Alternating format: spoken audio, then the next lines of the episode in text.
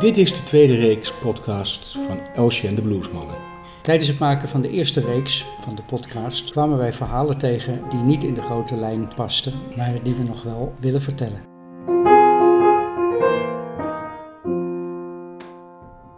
Toen we bezig waren met de aflevering hoe de blues naar Europa kwam, toen zat er een klein stukje in over immigranten uit koloniën van Engeland, de West-Indies, en hoe die na de Tweede Wereldoorlog naar Engeland kwamen en hun eigen muziek meenamen. En we lieten een heel leuk nummer horen van Lord Kitchener, een grote hit geweest, London is the place for me. En uiteindelijk is dat gesneuveld, dat stukje in de montage, omdat het toch te weinig met blues te maken had. Ja. Maar jouw interesse voor de muziek uit de West-Indies was, eh, was gewekt en je bent het verder gaan onderzoeken en je hebt een link kunnen leggen naar de Blues Queens. En nou, eh, we gaan het hebben over de West Indies Blues. Ja, ja want dat was dat, eh, die, die, jaren dat de blues dus ontzettend populair was. 1924 is mee, de grote hit van Mamie Smith was 1920. En achter Mamie Smith aankwamen tientallen blueszangeressen. En één nummer viel me daarin onmiddellijk op. Dat was het nummer West Indies Blues van uh, een, een, zangeres uit New Orleans, Esther Bijou. Ja, het klonk eerst als alle andere nummers, tot me op een gegeven moment dacht dat ik dacht van West Indies Blues. Ik bedoel, hoezo West Indies Blues? Wat wisten ze in die tijd van de West Indies? Uh, bestaat er op de West Indies ook blues? Mm -hmm. er zijn natuurlijk, is dat ook een eiland met slaven en slavernijverleden? Dus er waren een aantal dingen toen ik dat nummer ging bekijken die ik wel interessant vond. Ten eerste dus die zangeres en ook haar begeleiders. Dat was de band van Armand Piron. Uh, klinkt Frans, maar hij komt ook uit New Orleans. Dat is een, uh, mm -hmm. een Creoolse violist, bandleider die een, een, grote en hele goed draaiende band had in New Orleans in het begin van, de, van de eeuw, van die eeuw. Mm -hmm. uh, het nummer was opgenomen in New York ook even denken van, oh ja, New York, dat was wel een centrum waar het gebeurde rond, rond de blueszangeressen in die tijd. Het nummer was gecomponeerd door Clarence Williams. Nou, dat is ook een figuur die we misschien niet met zoveel woorden, maar in onze podcast eigenlijk tig keer tegenkomen. Want hij heeft ontzettend veel nummers geschreven. Mm -hmm. Heel veel zangeressen uh, en zangers ontdekt, begeleid, uh, bij platenmaatschappij gewerkt. En als je de tekst van het nummer bekijkt, dan is het tekst die zegt van ja, ik zit hier in het noorden, maar ik heb mijn suffe baantje van uh, liftbediener opgezegd. Ik ga terug naar Jamaica in dit geval. Mm -hmm. En daar ga ik lekker op het strand flaneren en leuke dingen doen. En als ik later groot ben, zo groot als Marcus Garvey, dan kom ik wel weer terug. Dus dat is ook eens wat dat je denkt van Marcus Garvey, New York, waar gaat dit allemaal over?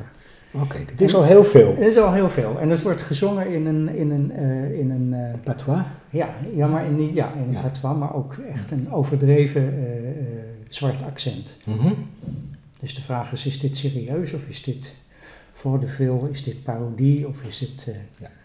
Nu wil ik het wel eens horen. Ja, we gaan het even luisteren.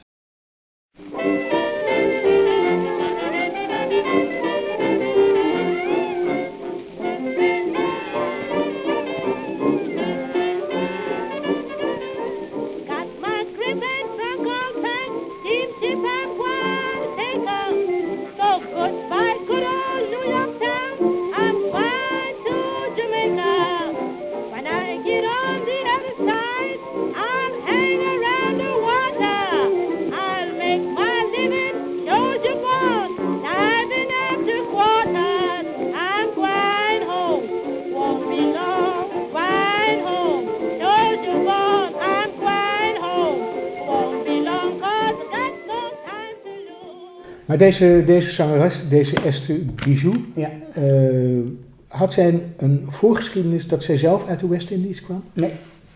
nee, niet. Dus dat accent is inderdaad... Is, is nagedaan en is ook nagedaan. door alle anderen, want er verschijnen in 1924 zes versies van dit nummer. Aha. Ja. ja dus uh, het, het, is een heel populair nummer in, de, in dat jaar. Ja.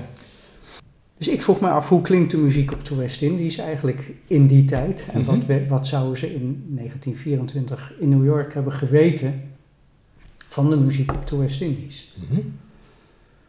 Nou, om dat even in zijn, in zijn eh, perspectief te plaatsen, de West-Indies, dan hebben we het over een, een, aantal eilanden. Een paar grote, Jamaica, Trinidad, de Bahama's, Barbados. Mhm. Er zijn nog tig kleintjes. Mhm. Het zijn allemaal Spaanse kolonies geweest, Franse kolonies geweest, Nederland zelfs voor een deel.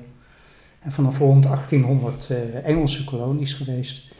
Met eh, een economie van suiker en cacao en rijstplantages die ernstig leunden op de, op de slavernij. En de slavernij werd afgeschaft in 1836.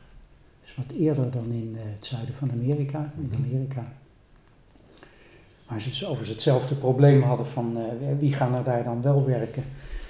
Ze hebben het daar anders opgelost. Eh, Ze hebben an- an- 150.000 Chinezen en Indiërs geïmporteerd.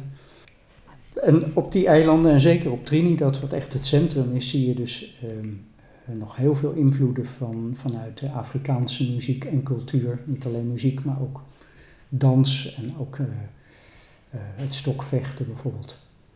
En dat blijft leven bijvoorbeeld door het carnaval, wat een heel belangrijke rol speelt eh, op Trinidad. En de muziek die daaruit ontstaat, uit die melting pot, die krijgt op een gegeven moment de naam Calypso. Ja. Dat zal ongeveer rond 1900 zijn geweest, precies kunnen we dat niet plaatsen. En ja, dat- en al die tijd, daar kun je alleen maar over lezen eigenlijk, over hoe dat was en een beetje gokken. Maar de eerste opname die gemaakt is, volgt natuurlijk net als in Amerika een beetje de technologie. Dat is pas in 1912. Er is een, een, een stringband uit Trinidad, Lovey's String Band. En die, eh, die reist naar New York om een plaat op te nemen. Dat is de eerst bekende plaatopname van een calypso, eh een muziek uit de West-Indies.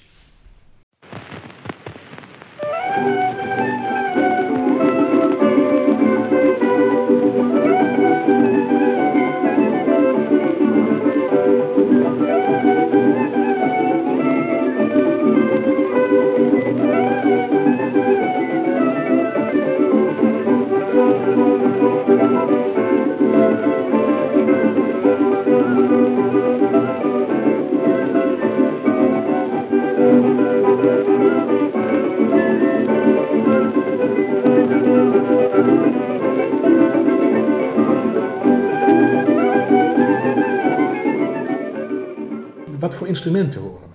Eh, je hoort eh, eh, violen, contrabas, ehm mandoline, quattro. Een instrument waar ik even op moet oefenen hoe die ook alweer heette, de, mhm, de Braga. Mhm. Ook een, ook een een- snaarinstrument. Een, een Portugese kleine gitaar. Ja. Ja. En quattro is, is Quattro ook is, een, is een soort ukulele. Ja, viersnarig. Ja. ja. Twaalf, twaalf man zaten er in dit, in dit orkest. ja. Dus het is echt groter dan een swingband in Amerika. Probeer even ja, het, eh, ja, een beeld. Ja. een, een beeld te krijgen. Ja. En, en ook eh eh, ritme-instrument? Of werd het ritme helemaal gemaakt door... eh, Ja, er zaten geen ritme-instrumenten in verder. Nee. En ze speelden volledig op het gehoor. mhm. Niemand kon noten lezen. Nou, je hoort, die, er is geen zang ook bij.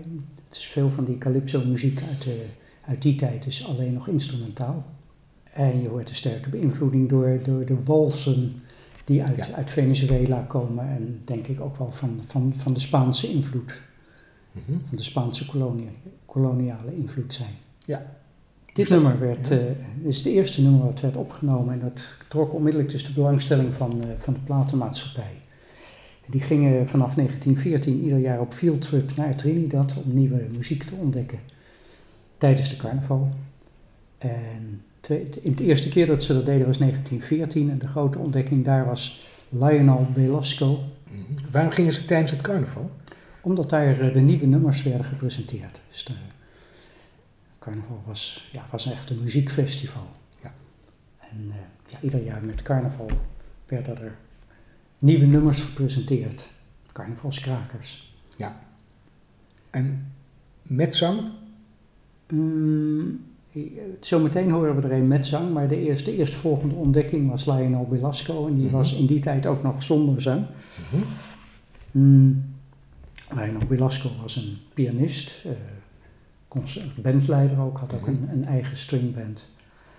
En het is eigenlijk net zo'n soort nummer. En, en ook daar weer een Franse titel, Germaine. Uh, want uh, die, de calypso werd in die tijd in Trinidad nog voornamelijk in het Frans gezongen. Maar ook instrumentale nummers hadden een Franse titel.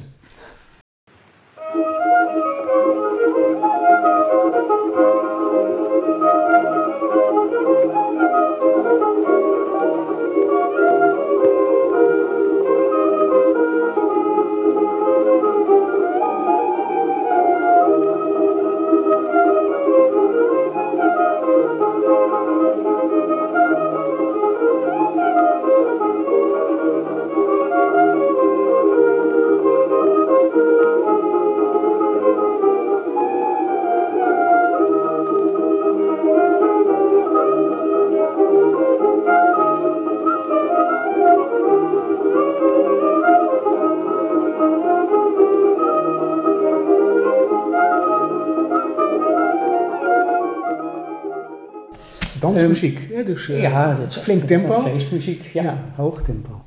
En ik zei geen zang, maar uh, er is in 1914 ook een nummer met zang opgenomen door, uh, door OK Records van Julian White Rose.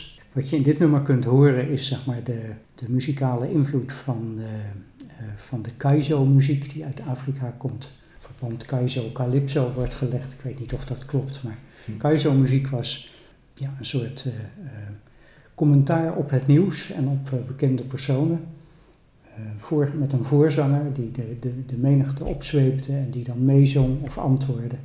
Ja, ja dat zit ook in de calypso zo, zoals ik het ken inderdaad. Hè. De calypso hits die maakten bekende politici belachelijk en ja, ja, sociaal commentaar. Sociaal commentaar, ja, ja. Wat vroeger in Nederland ook in de carnavalstraditie zat trouwens. Ja. Maar wat er geloof ik uit verdwenen is. Maar dat weet ik niet zo goed. Julian Whiterose uh, uh, was zo'n chanteur, zoals het uh, in die tijd heette. Dus zo'n zo mhm. voorzanger. en bijzonder is dat hij het in het Engels zingt. Want de calypso werd over het algemeen in het Frans gezongen. Maar onder druk van de platenmaatschappij, die het ook graag in, in New York wilde verkopen, was dit nummer dus in het Engels. Iron Duke in the Land. Iron Duke in the land, fire brigade. Iron Duke in the land, fire brigade. Bring a locomotive just because it's a fire federation. Bring a locomotive just because it's a fire federation. Iron Duke in the land, fire brigade. Iron Duke in the land, fire brigade motive just because it's a federation. Bringing up a motive just because it's a federation. From the Brady's of 95 when I was a teacher and a regulator. They called me to two years later, second lord and then advocate. Advocate they called me advisor. Father advisor now supervise me name supervisor. Now they call me lord of the sign I am you in the last brigade. Nou, zeg maar vanaf die jaren ging, uh, ging de, ging de, kregen de platenmaatschappijen dus wat meer belangstelling voor calypso-artiesten en andersom. Iemand als Lionel Belasco die emigreerde onmiddellijk naar, uh, naar Amerika in 1915 en werd in de 35 jaar daarna echt een hele ja, dragende kracht onder de, onder de calypso. Een soort W.C. Handy, maar dan voor de, voor de West Indies.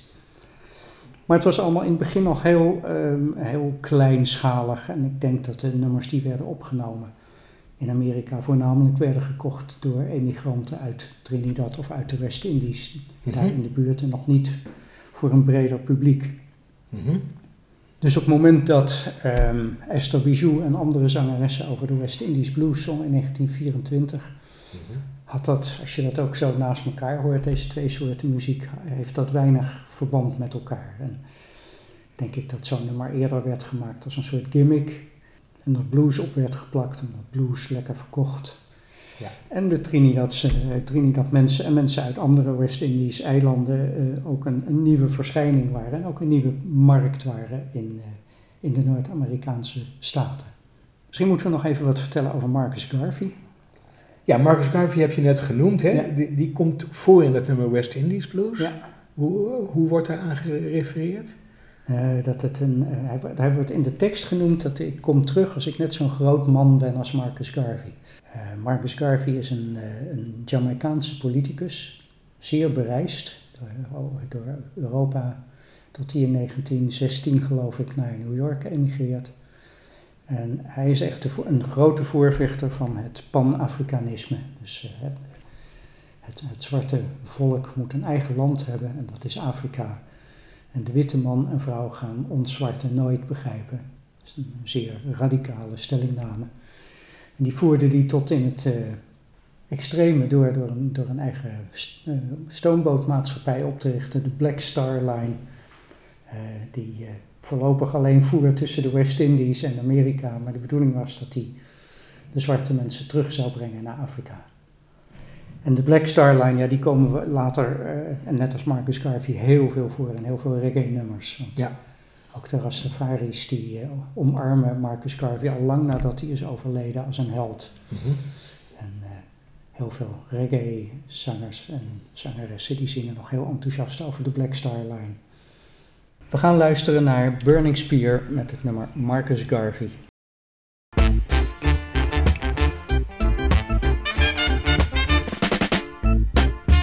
Marcus Garvey words come to pass. Marcus Garvey words come to pass. Can't get no food to eat.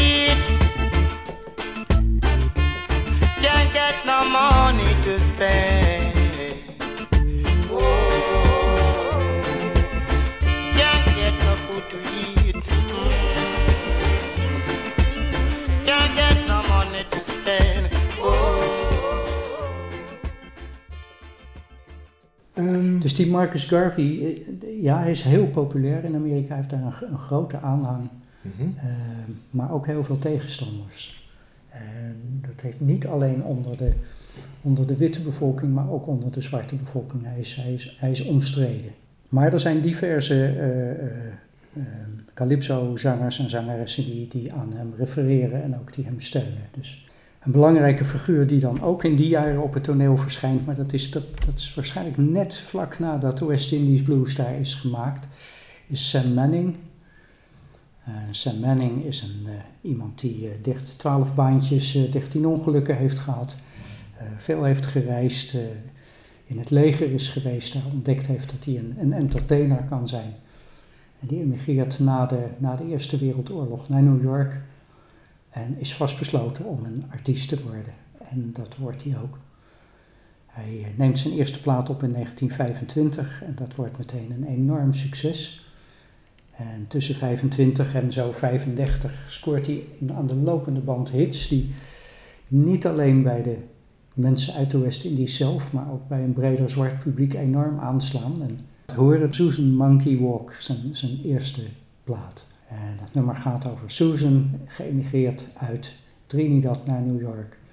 Trekt daar enorm veel belangstelling op straat. En mensen kijken haar na en zeggen, kijk, haar monkey walk is... Dat is eigenlijk ook niet mis. Nee, dit is... eh, nee. Mm. Dat is- Sam Mannings gebruikte in zijn teksten ook vaak de stereotype beelden die Amerikanen hadden over eh, emigranten uit Trinidad.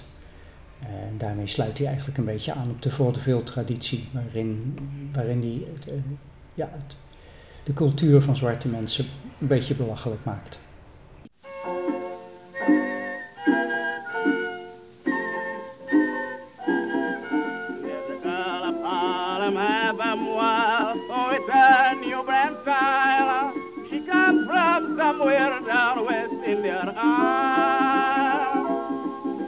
Everybody on avenue just crazy to do. Little Susan Funny Monkey Walk. Magazine Susan Monkey Walk. Oh, the whole town talks that monkey walk. Oh, she got him beat with her monkey feet. Her monkey skull is what got him wild.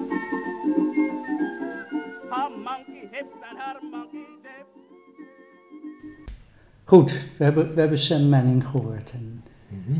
eh, ja, je, kunt je misschien bij dit nummer al voorstellen dat dit een soort muziek is die makkelijk wat populairder te maken is.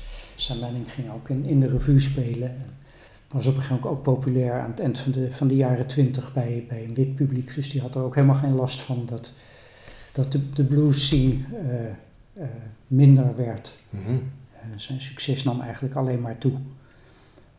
Aan het eind van de twintiger jaren zie je dus die, belangstelling voor, voor calypso zie je toenemen, maar je ziet ook dat de muziek eh, langzamerhand meer eh, geschikt wordt gemaakt voor witte oren, zou je kunnen zeggen. In New York eh, werkt Lionel Belasco onvermoeibaar door om, om de calypso-muziek wat onder de belangstelling te maken, te krijgen. Niet alleen van de, van de emigranten, maar ook van de, van de witte, witte publiek. En iemand, eh, behalve Sam Manning, een, een andere Trinidadse zanger die daarbij komt helpen is Wilmuth Houdini. Prachtige naam natuurlijk weer, heeft hij gekozen. En dat is er ook een uit de, uit de traditie van eh, Julian White Rose, eh, die gewend is om, om massa's op te zwepen en en een enorme showman is. Die emigreert in, in de loop van de twintiger jaren naar New York en, en wordt een tijdje de vaste zanger bij de band van, van Lionel Belasco. En een van de nummers die, eh, die ja, heel veel mensen beïnvloed heeft in, in de loop der jaren, heel veel jazzmuzikanten ook, is Blow in Blow. Gespeeld door de band van Lionel Belasco, gezongen door Wilmuth Houdini. Die het nummer een maand eerder eh, onder een andere titel ook opneemt met een ander bandje. Het zijn per slotverrekening ook geen, eh, geen copyright nummers. Copyright bestaat nog nauwelijks in die tijd. Het zijn volks, volksdeuntjes, zeg maar, die, die meekomen uit de, uit de West-Indies. Goed, we gaan luisteren naar Wilmuth Houdini met Lionel Belasco eh, in Blow in Blow.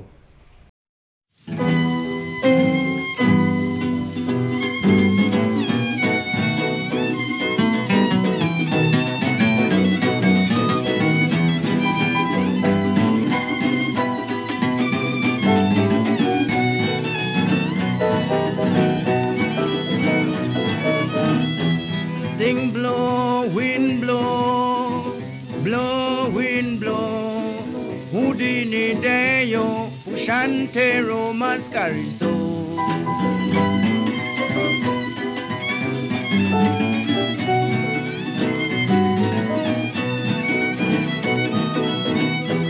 Sing blow, wind blow, everybody blow, wind blow.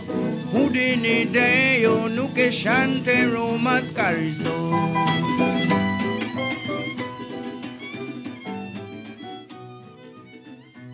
het eind van de twintiger jaren en en, mm, eh, de belangstelling voor, voor calypso-muziek neemt in de jaren 30, 40, 50 alleen maar toe. Het wordt, eh, het wordt steeds meer mainstream muziek.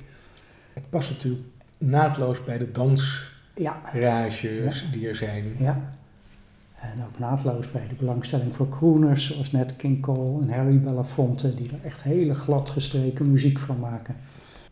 En, en het toppunt daarvan is denk ik wel eh, wat iedereen zal kennen, de hit van de Andrews Sisters uit 1945, Rum en Coca-Cola. Dat is nog wel mooi om te vertellen, want de, de muziek van het nummer is van Lionel Belasco. Mhm. Hij heeft het in 1906 geschreven als een Frans nummer, eh, L'année passée. Eh, en de tekst is van Lord Invader, een, een Trinidad-zanger uit 1941. Maar die tekst is, eh, eh, op, eh, want het liedje is een beetje een aanklacht tegen het gedrag van, eh, van eh, Amerikanen op Trinidad, Amerikaanse militairen. En een Amerikaanse tekstschrijver met de achternaam Amsterdam heeft die teksten wat, wat netter gemaakt voor de Andrew Sisters, die geen idee hadden waar ze over zongen. Rum Coca-Cola.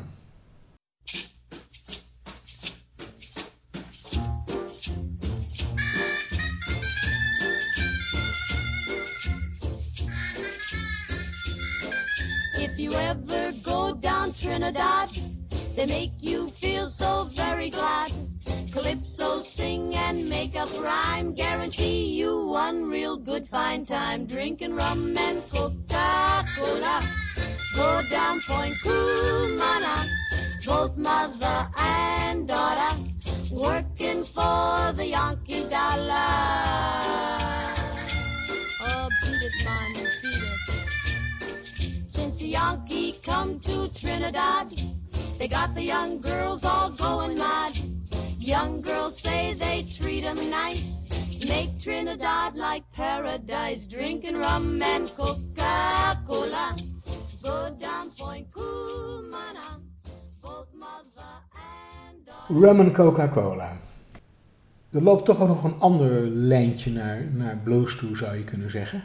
Er zijn wat bluesmuzikanten later die belangstelling hebben gekregen voor calypso-muziek. Ja, maar dan zitten we al in de jaren zeventig. En dan is Taj Mahal natuurlijk iemand die eh, heel uitgebreid allerlei West-Indisch muziek heeft verkend.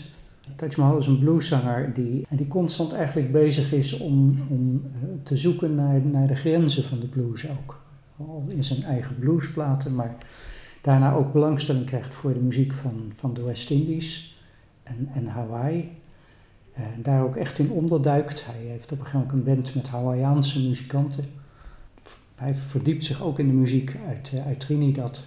Nou, heeft daar diverse nummers waar die invloeden nog heel duidelijk hoorbaar zijn. We gaan luisteren naar Taj Mahal met het nummer The Calypsonians.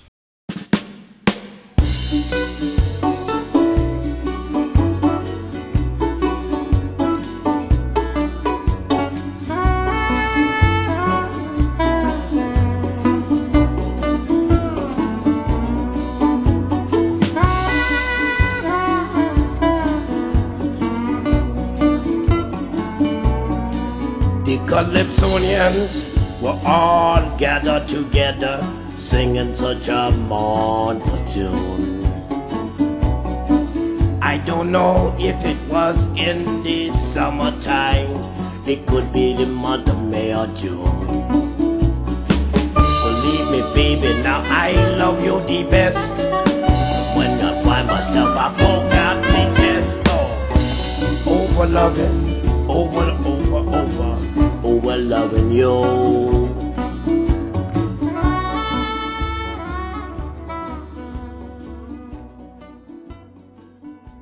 En een andere muzikant die tot altijd eindeloos blijft zoeken naar de verschillende muziekstijlen uit, uit Amerika en, en Zuid-Amerika is Cooder. Een, een nummer uit, wat dateert ook uit denk de dertiger jaren toen eh, eh, president Roosevelt op bezoek was in Trinidad. Wat ook een oud calypso nummer is, heeft Ry Cooder opgenomen op, eh, op de plaat Into the Purple Valley, Zijn tweede F- LP. FDR in Trinidad. Ja.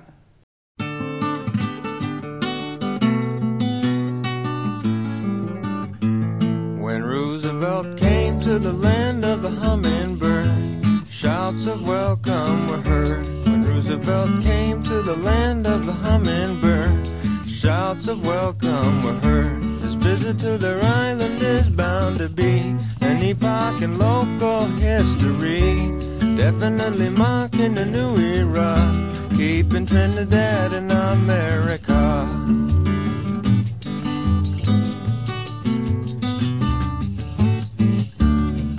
For this great man, jubilation was evinced by the entire population.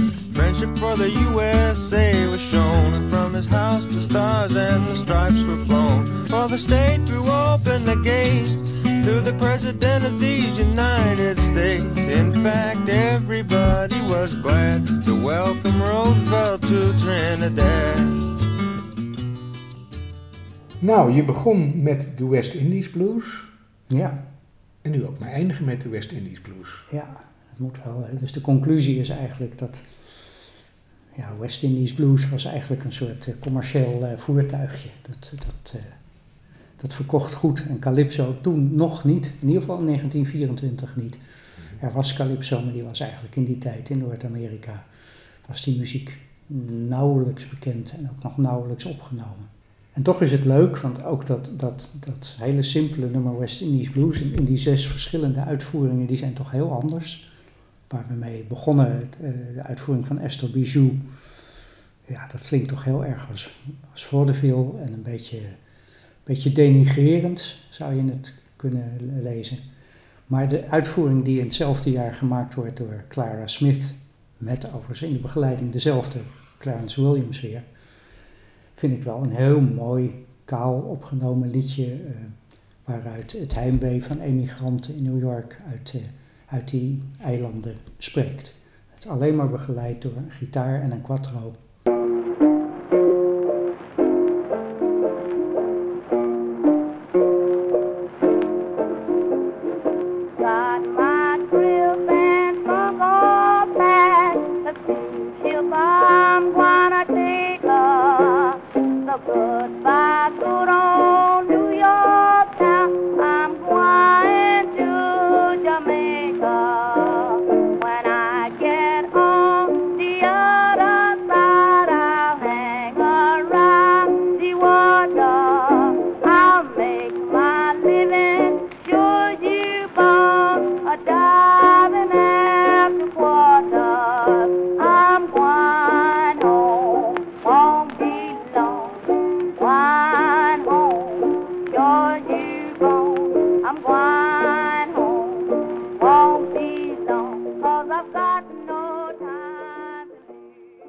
Als je de nummers van deze aflevering in zijn geheel wilt horen, dan kun je gaan naar de playlist die over deze aflevering gaat. En die kun je vinden op de website www.bluesmannen.nl.